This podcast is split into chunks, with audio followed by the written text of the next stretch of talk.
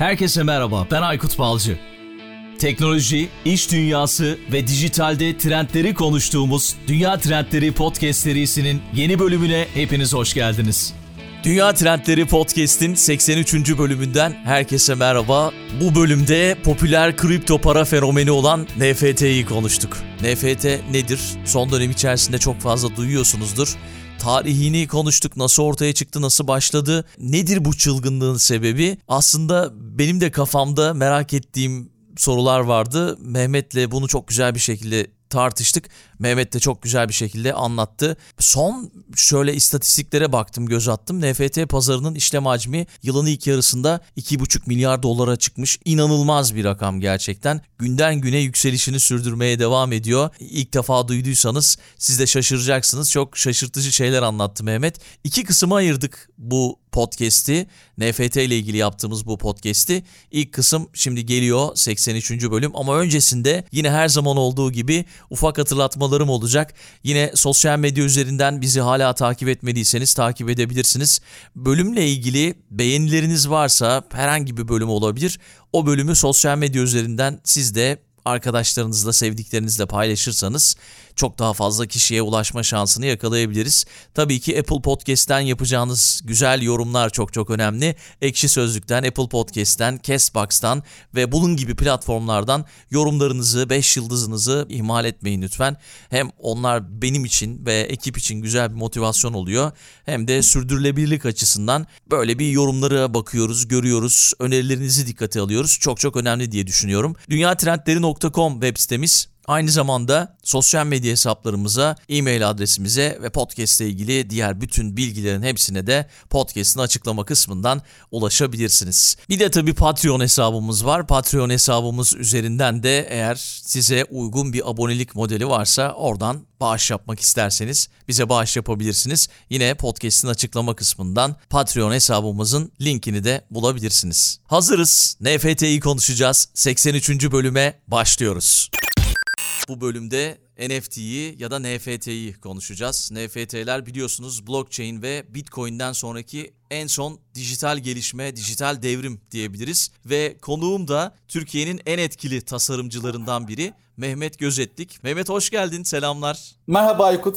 Nasılsın? Selam. İyiyim Aykut, sen nasılsın? Ben de çok iyiyim, çok teşekkür ederim. Çok sağ ol konuğumuz olduğun için, kabul ettiğin için. Ben teşekkür ederim Aykut. Beni davet ettiğin için yayınınıza. Teknolojiyle ilgili gerçekleştirdiğim bu serinin, sadece teknolojiyle değil, geleceği anlamakla ilgili diyorum ben buna. Gerçekleştirdiğim bu serinin içinde olmaktan mutluluk duyuyorum. Çok sağ ol davet ettiğin için tekrar. Teşekkür ederim. Ben seni Clubhouse'da keşfettim Mehmet hemen söyleyeyim podcast'in girişinde. NFT de son dönemin öne çıkan konularından biri. Sen de uzun zamandır tasarım dünyasının içerisindesin ve NFT ile olan ilgin de gerçekten çok güzel. Çok güzel yayınlar yapıyorsunuz. Hala devam ediyor mu bilmiyorum bu arada. Evet evet ediyor yani 4-5 tane yayını dinleme şansım oldu ve epey bir şey öğrendim yayınlarınızdan. Ve burada da podcast'i dinleyen benim dinleyicilerimle de buluşmanı çok çok istedim gerçekten. Şimdi eminim ki bu bölümde güzel bir bölüm olacak ve NFT'yi senden çok iyi bir şekilde anlayacağız diye düşünüyorum. Ben Clubhouse Türkiye'ye açıldığından beri çeşitli yayınlar gerçekleştiriyorum Aykut. Bu yayınlar genellikle benim de geleceği anlamak üzerine meraklı olan tarafımla alakalı biraz bir tasarımcı olarak. Ama bir taraftan da Clubhouse'la beraber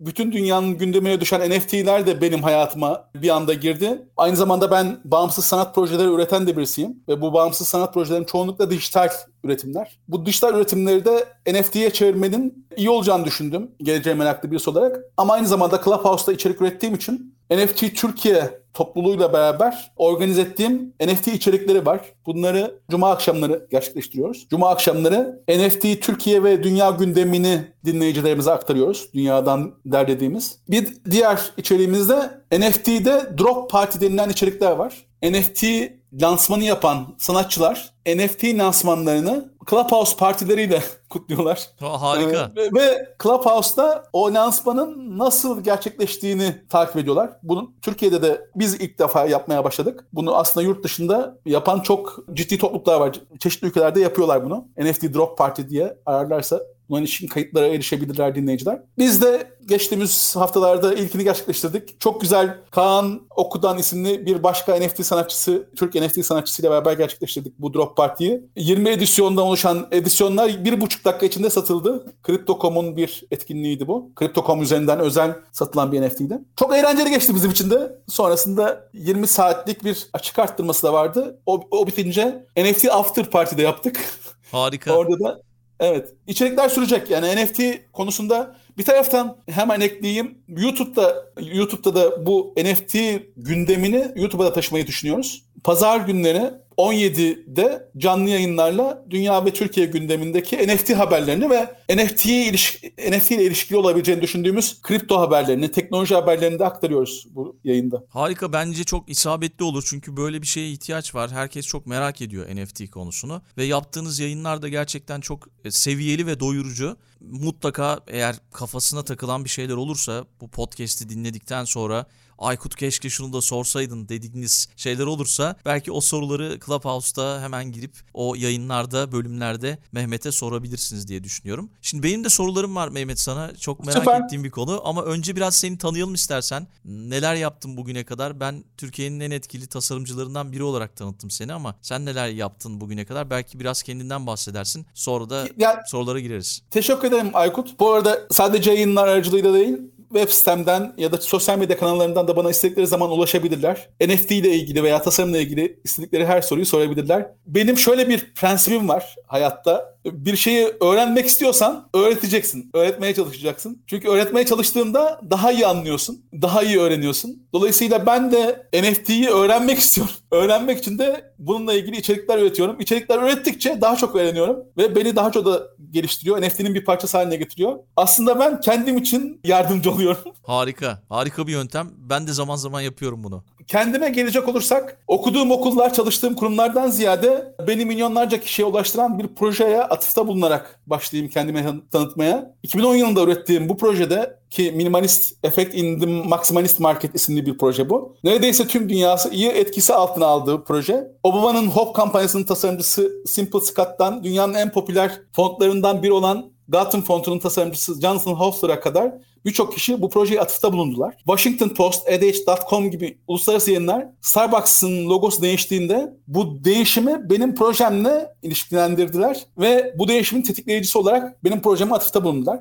Ve sonrasında Pekin Tasarım Treneri'nde Tasarım Duygusunun Nedeni isimli karma sergide Zaha Hadid, Loss, Lowgrove, Mark Newson, Norman Foster ve Philip Stark gibi dünyaca ünlü tasarımcılarla beraber bu projem de sergilendi benim. Proje ürettikten yıllar sonra İngiliz mağazacılık devi Selfridges'ın No Noise isimli kampanyasının ilham kaynağı oldu. Bunun dışında fontlar tasarlıyorum. Bu tasarladığım fontlar tüm dünyadan yüz binlerce kişi tarafından indirildi. DreamWorks, CGI, TBWA, Vogue, Yahoo, American Airlines, ESPN gibi birçok uluslararası şirket tarafından lisanslandı. Yarattığım pop art posterler var bir de dünyanın 52 ülkesine ulaştırdığım. Bunların hepsinin e, sayesinde Birkaç yıl önce British Council tarafından yılın genç yaratıcı girişimcisi seçildim. Tasarladığım ürünler Amazon başta olmak üzere tüm dünyadaki tasarım mağazalarında satılıyor. Multidisipliner bir tasarımcı, bağımsız sanatçı ve girişimciyim. Kolektif üretim platformu Antrepon'un kurucusu ve sanat yönetmeniyim. Aynı zamanda veri görselleştirme, etkili iletişim yolları ve tasarım girişimciliği konularında özel kurumlara dersler veriyorum.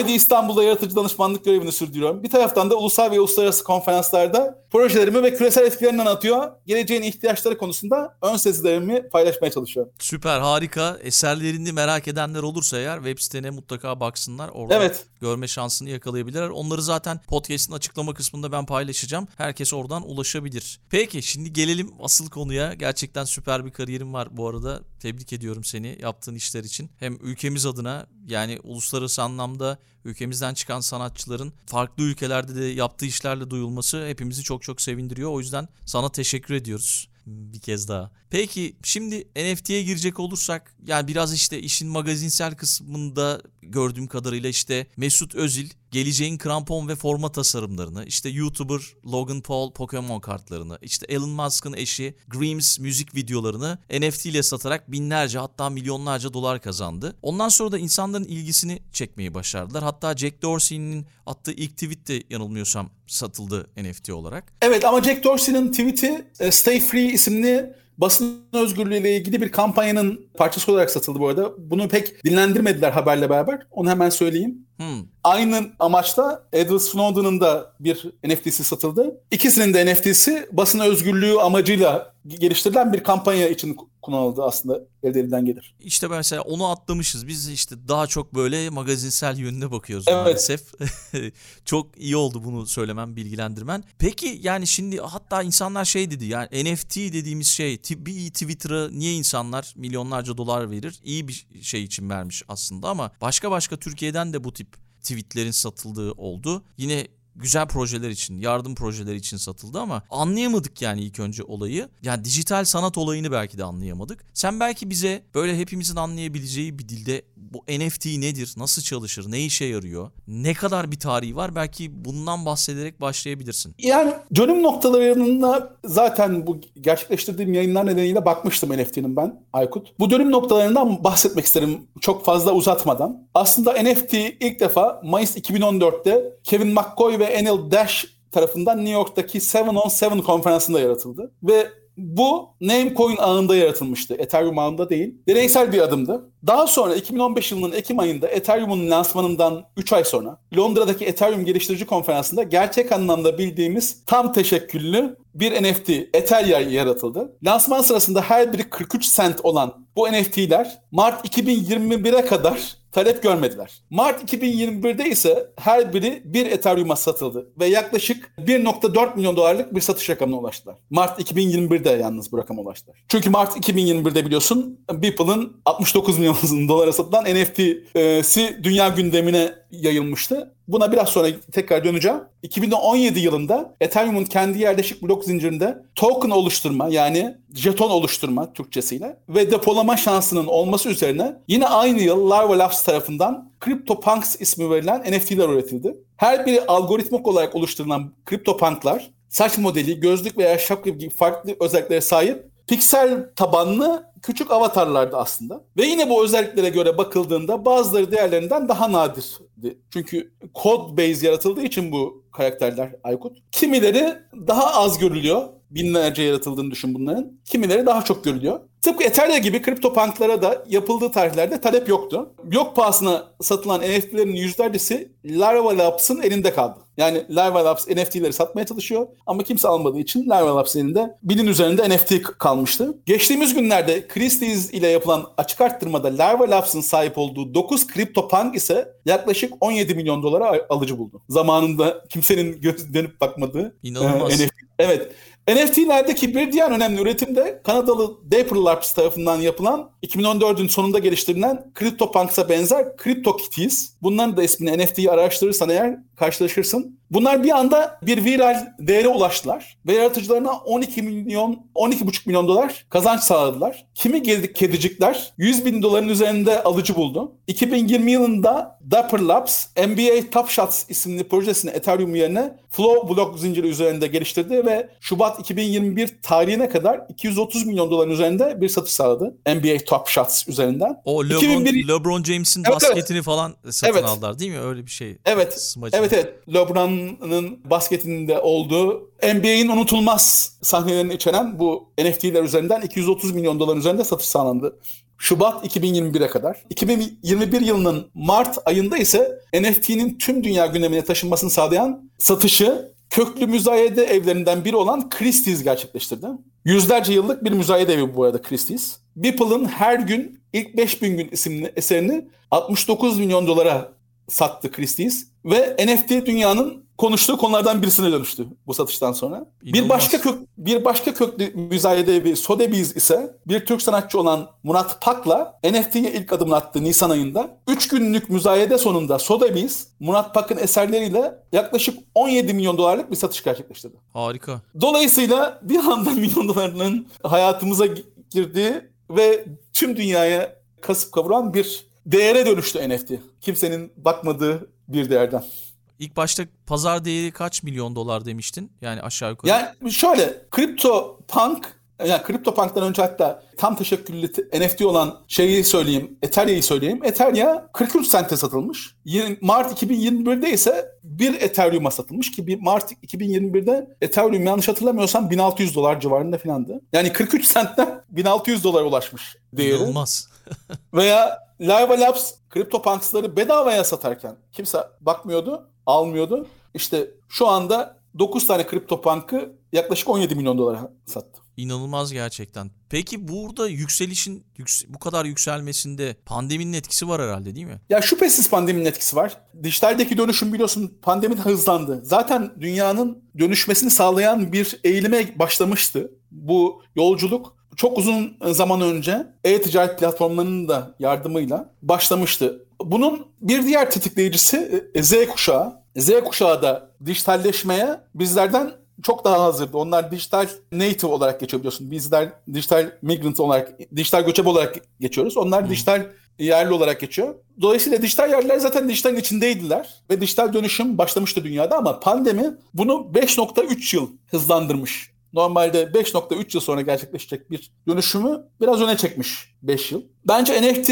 yine kriptonun yükselişiyle kendine yol bulurdu. Ama pandeminin etkisiyle beraber biraz daha hızlandı. Diğer elektronikleşmenin yani dijitalleşmenin hızlanması gibi. NFT de biraz daha öne çekildi belki hayatımızda.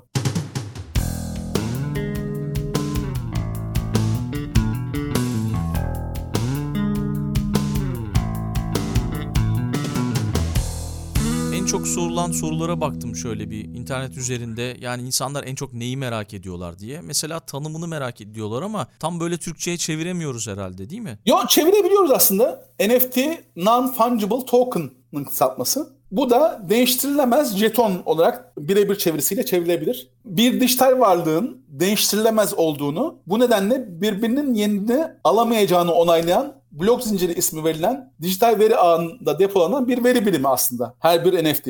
Yine kripto paraların temelinde bulunan blok zincir kullanılıyor. Blok evet, zincir evet, evet. kullanılıyor. NFT'ler görüntü, ses, video, müzik gibi dijital dosyalarla üretilebilir. Hatta bir tweet bile NFT'ye çevrilebilir. İşte biraz önce senin söylediğin Jack Dorsey'nin tweet'i ya da Cüneyt Özdemir'in tweet'i gibi. Ve NFT'lerin kopyaları işin ilginç tarafında aynı tweet'in herkese erişime açık olduğu gibi NFT'ler de herkesin erişimine açık. Bu Beeple'ın 69 milyon dolara satılan eserine siz dinleyenler şu anda internetten erişebilirler. Bu zaten blok zinciri üzerinden herkesin erişimine açık vaziyette duruyor. Birisinin saklı kasasında değil yani. Dolayısıyla herkes orijinal dosyanın bir kopyasını bilgisayarına indirebilir. Ama bu satın alan kişiyle eseri üreten kişi arasındaki akıllı kontratlarla korunan bir değere sahip. Tıpkı Mona Lisa'nın milyonlarca kopyasının olmasının Louvre Müzesi'ndeki orijinaline, orijinalinin değerini düşürmediği gibi NFT'nin de milyonlarca kopyasının yaratılabiliyor olması veya erişilebiliyor olması değerini düşürmüyor. Değeri sahiplikten geliyor aslında. Evet tam da bu örneği verecektim. Zaman zaman şu senin verdiğin o örneği vermişler. Şimdi Louvre Müzesi'ne gidip müzeyi gezerken Mona Lisa tablosunu telefonumla dijital olarak çekip telefonumda durmasıyla benim onu dijital olarak satın almam arasında ne fark var? ki ne olacak ki gibi bir soru sormuşlar mesela. Çok iyi anlattın onu. Sahipliği yani, var yani. Sah- sahipliği var. Ben örneğin senin yarattığın bir NFT almışsam benim üzerim benim aldığım NFT'nin kripto cüzdanımdaki varlığına baktıklarında onu görüyorlar. Bu Aykut'un yarattığı NFT'nin sahibidir yazıyor o kontratta. Dolayısıyla NFT'nin değeri e, eserin kendisinden değil yaratıcısından geliyor. Aynı Mona Lisa'nın değerinin Da Vinci'den geldiği gibi. Eğer o Da Vinci'nin Mona Lisa'sı değil başka birisinin Mona Lisa'sı olsaydı başka bir değere sahip olacaktı. Aynı Mona Lisa olsa bile. Anladım. Peki burada ben NFT'yi şöyle anlamıştım. Yani var olan eserler değil de başka başka eserler yapılıyor ve bunlar dijital ortamda NFT olarak satılıyor. Ama var olan eserler de anladığım kadarıyla NFT'ye dönüştürülebiliyor ki bunu tweetlerden görüyoruz. İşte senin verdiğin başka örneklerden görüyoruz. İki şekilde mi olabiliyor? Yani aslında şöyle NFT'yi zaman zaman sadece sanat meselesine indirgeyen bir yaklaşım var. NFT sadece sanatla ilgili bir üretim değil. NFT illa sanat eseri olmak zorunda değil. NFT aslında bir dijital varlığın sahibinin sattığı kişiye sahipliğini devretmesi meselesi. Bu örneğin Nike'ın bir ayakkabısının sadece limited edition olduğunun authentication'ı da olabilir. Ki NFT'ler bunun için de kullanılmaya başlandı. Biraz Türkçe'ye çevirmek gerekirse ara ara ben böyle yabancı konuşuyorum. Umarım dinleyiciler maruz görürler. Eskiden özellikle edisyon sanat eserlerinin o sanatçısı tarafından geliştirdiğini, o sanatçının eseri olduğunu anlatmaya yarayan otantiklik, orijinallik belgesi düzenlenirdi sanatçı veya galeriler tarafından Aykut. Bu belge özel mürekkeplerle üretilirdi. Özel mürekkeplerle imzalanırdı. Ve o belgeyle o eser bir kopya olmasına hemen edisyonla üretildiği için bir kopya olacaktı o eser. Örneğin dijital üretim yapan sanatçılar 20 edisyon baskı alırlardı ve bu baskıları o sanat eserini almak isteyen kişilere gönderirlerdi ve onun yanında da bir authentication belgesi gelirdi. O belgede de e, bu belgeyle bu eserin sahibi eserin orijinaline sahiptir yazardı sanatçısı tarafından satılan orijinaline sahipleri yazardı. Sertifika gibi bir şey yani. Evet, evet sertifika, otantiklik sertifikası. Aynı zamanda bu otantiklik sertifikası biliyorsun limited edition ürünler için de verilirdi. Yani bazı ürünler işte Ferrari araba dünyada milyonlarca üretilmezdi. Bin tane üretilirdi ve bunun üzerine bir numara basılırdı. O arabanın kaçıncı olduğunu gösteren, kaçıncı üretimde kaçıncı olduğunu gösteren. Aynı zamanda bir sertifika verilirdi yine otantiklik sertifikası. NFT bir çeşit otantiklik sertifikasına dönüştü günümüzde bir taraftan. Ve dolayısıyla bazı markalar bazı fiziksel ürünler için e, dijital NFT'ler üretmeye başladılar. Ve bu dijital NFT'ler aracılığıyla bu fiziksel ürünün sahibi bu kişidir de diyebiliyorlar. Çünkü kripto blok zinciri üzerinde kripto cüzdanlarda tutuluyor NFT'ler ve herkes bunları görebiliyor. Herkes görebildiği için de NFT'de sahtekarlık yapmak çok mümkün değil. Takip edilebilir, çok şeffaf yapılar. Anladım. Peki belki biraz nasıl çalıştığından bahsedebilirsin NFT'nin. Hani az çok bahsettik ama yani işte sanat var, işin içinde gifler var, videolar, sporla ilgili önemli anlar dedin. Koleksiyon ürünleri, tasarım spor ayakkabılarını örnek verdin şimdi. Müzik var dedin. Evet. Video oyunları da var yanılmıyorsam. Evet evet. Şöyle video oyunları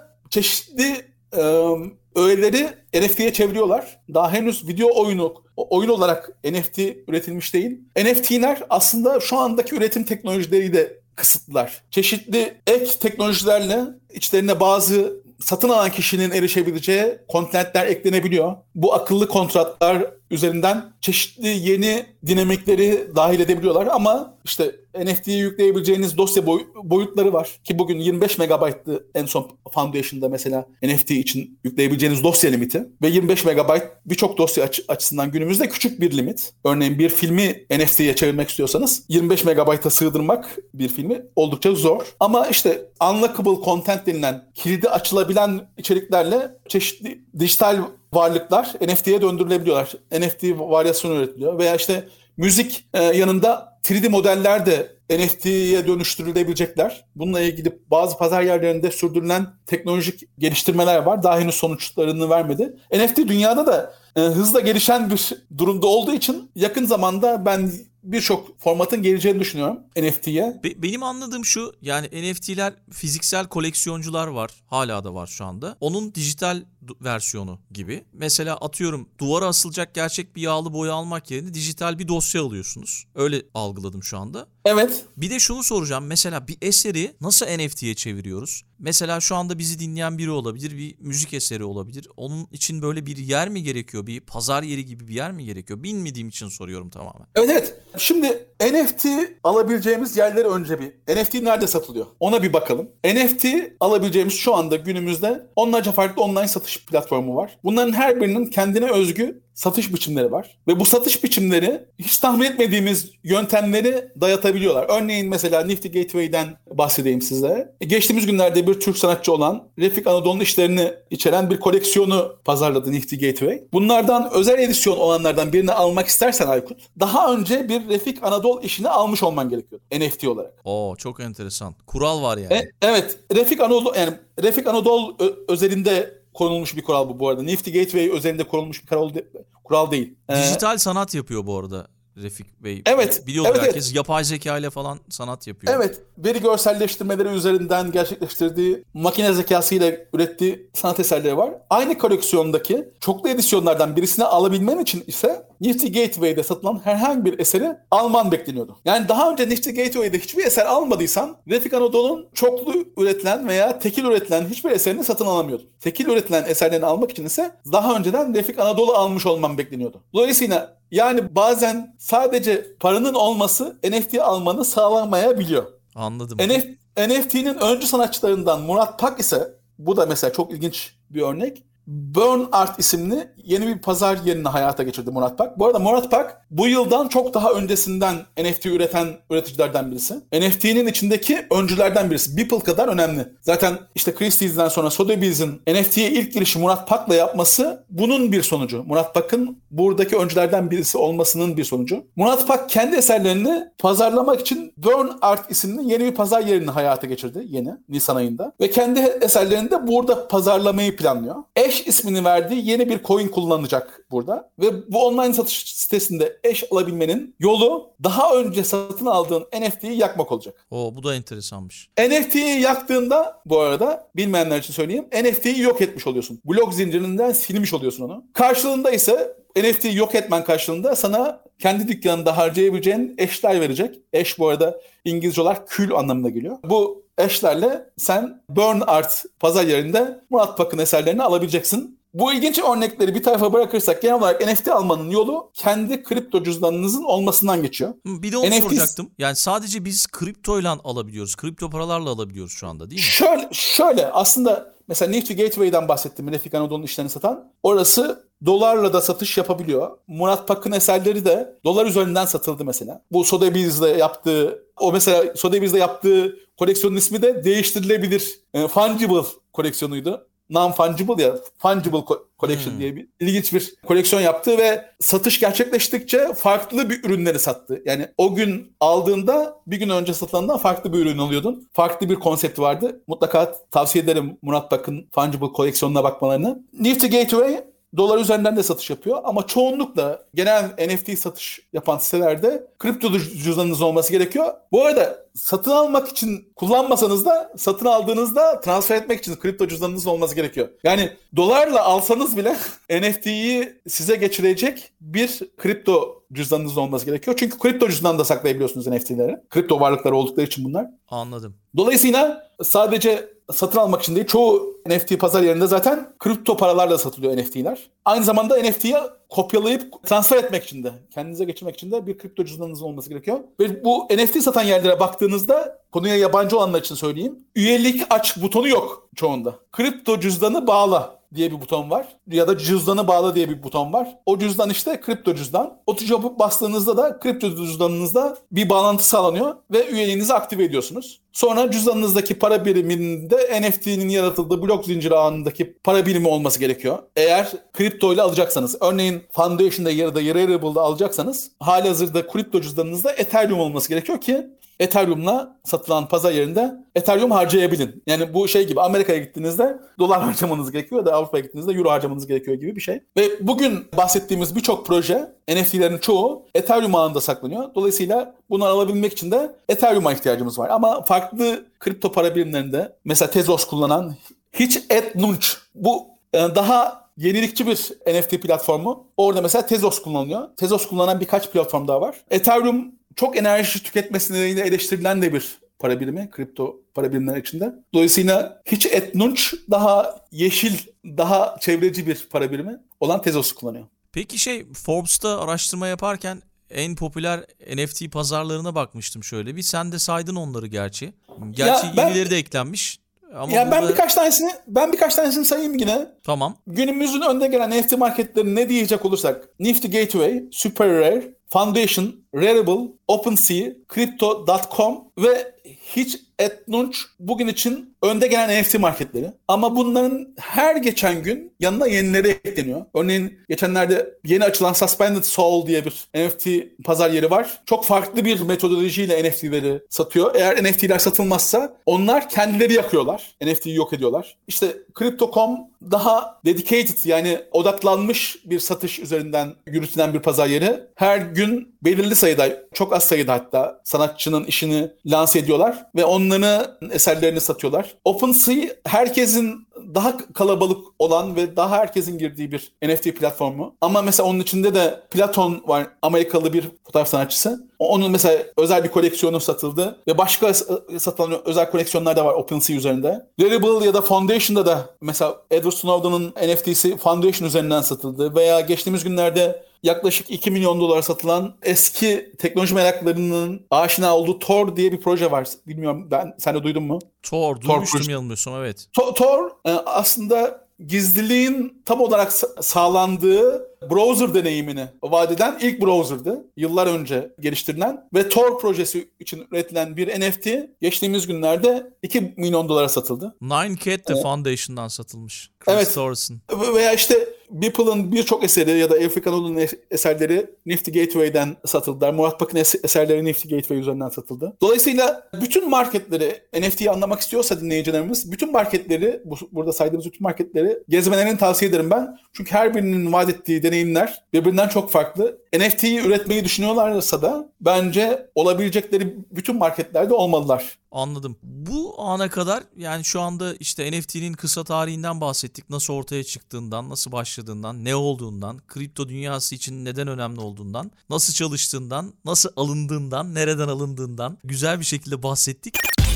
NFT ile ilgili bölüme kaldığımız yerden devam edeceğiz ve bir sonraki bölümde NFT ile ilgili olan bir sonraki bölümde yine sevgili Mehmet'le birlikte neleri konuşacağız? İsterseniz hemen bahsedeyim. Bir kere NFT'leri kimler kullanıyor? Bu sadece bir balon mu? NFT'ler neden tartışmalı? Herkes NFT yapabilir mi? Gibi konuları bir sonraki kısımda konuştuk. Gerçekten o kısım da çok çok güzel oldu. Dinlediğiniz için çok çok teşekkürler. Umarım NFT ile ilgili son zamanlarda her yerde duyduğumuz bu kelime ile ilgili kafanızda bir şeyler canlanmıştır. İkinci kısımda yeniden NFT'leri konuşmaya devam edeceğiz. Çok çok teşekkürler.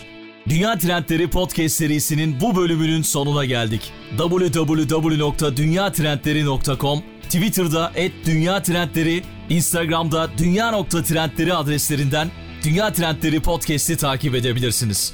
Unutmayın önerileriniz ve merak ettikleriniz içinse info.dünyatrendleri@gmail.com adresinden mail atabilirsiniz. Bu bölümü dinlediğiniz için çok teşekkürler. Yeni bölümde tekrar buluşmak üzere.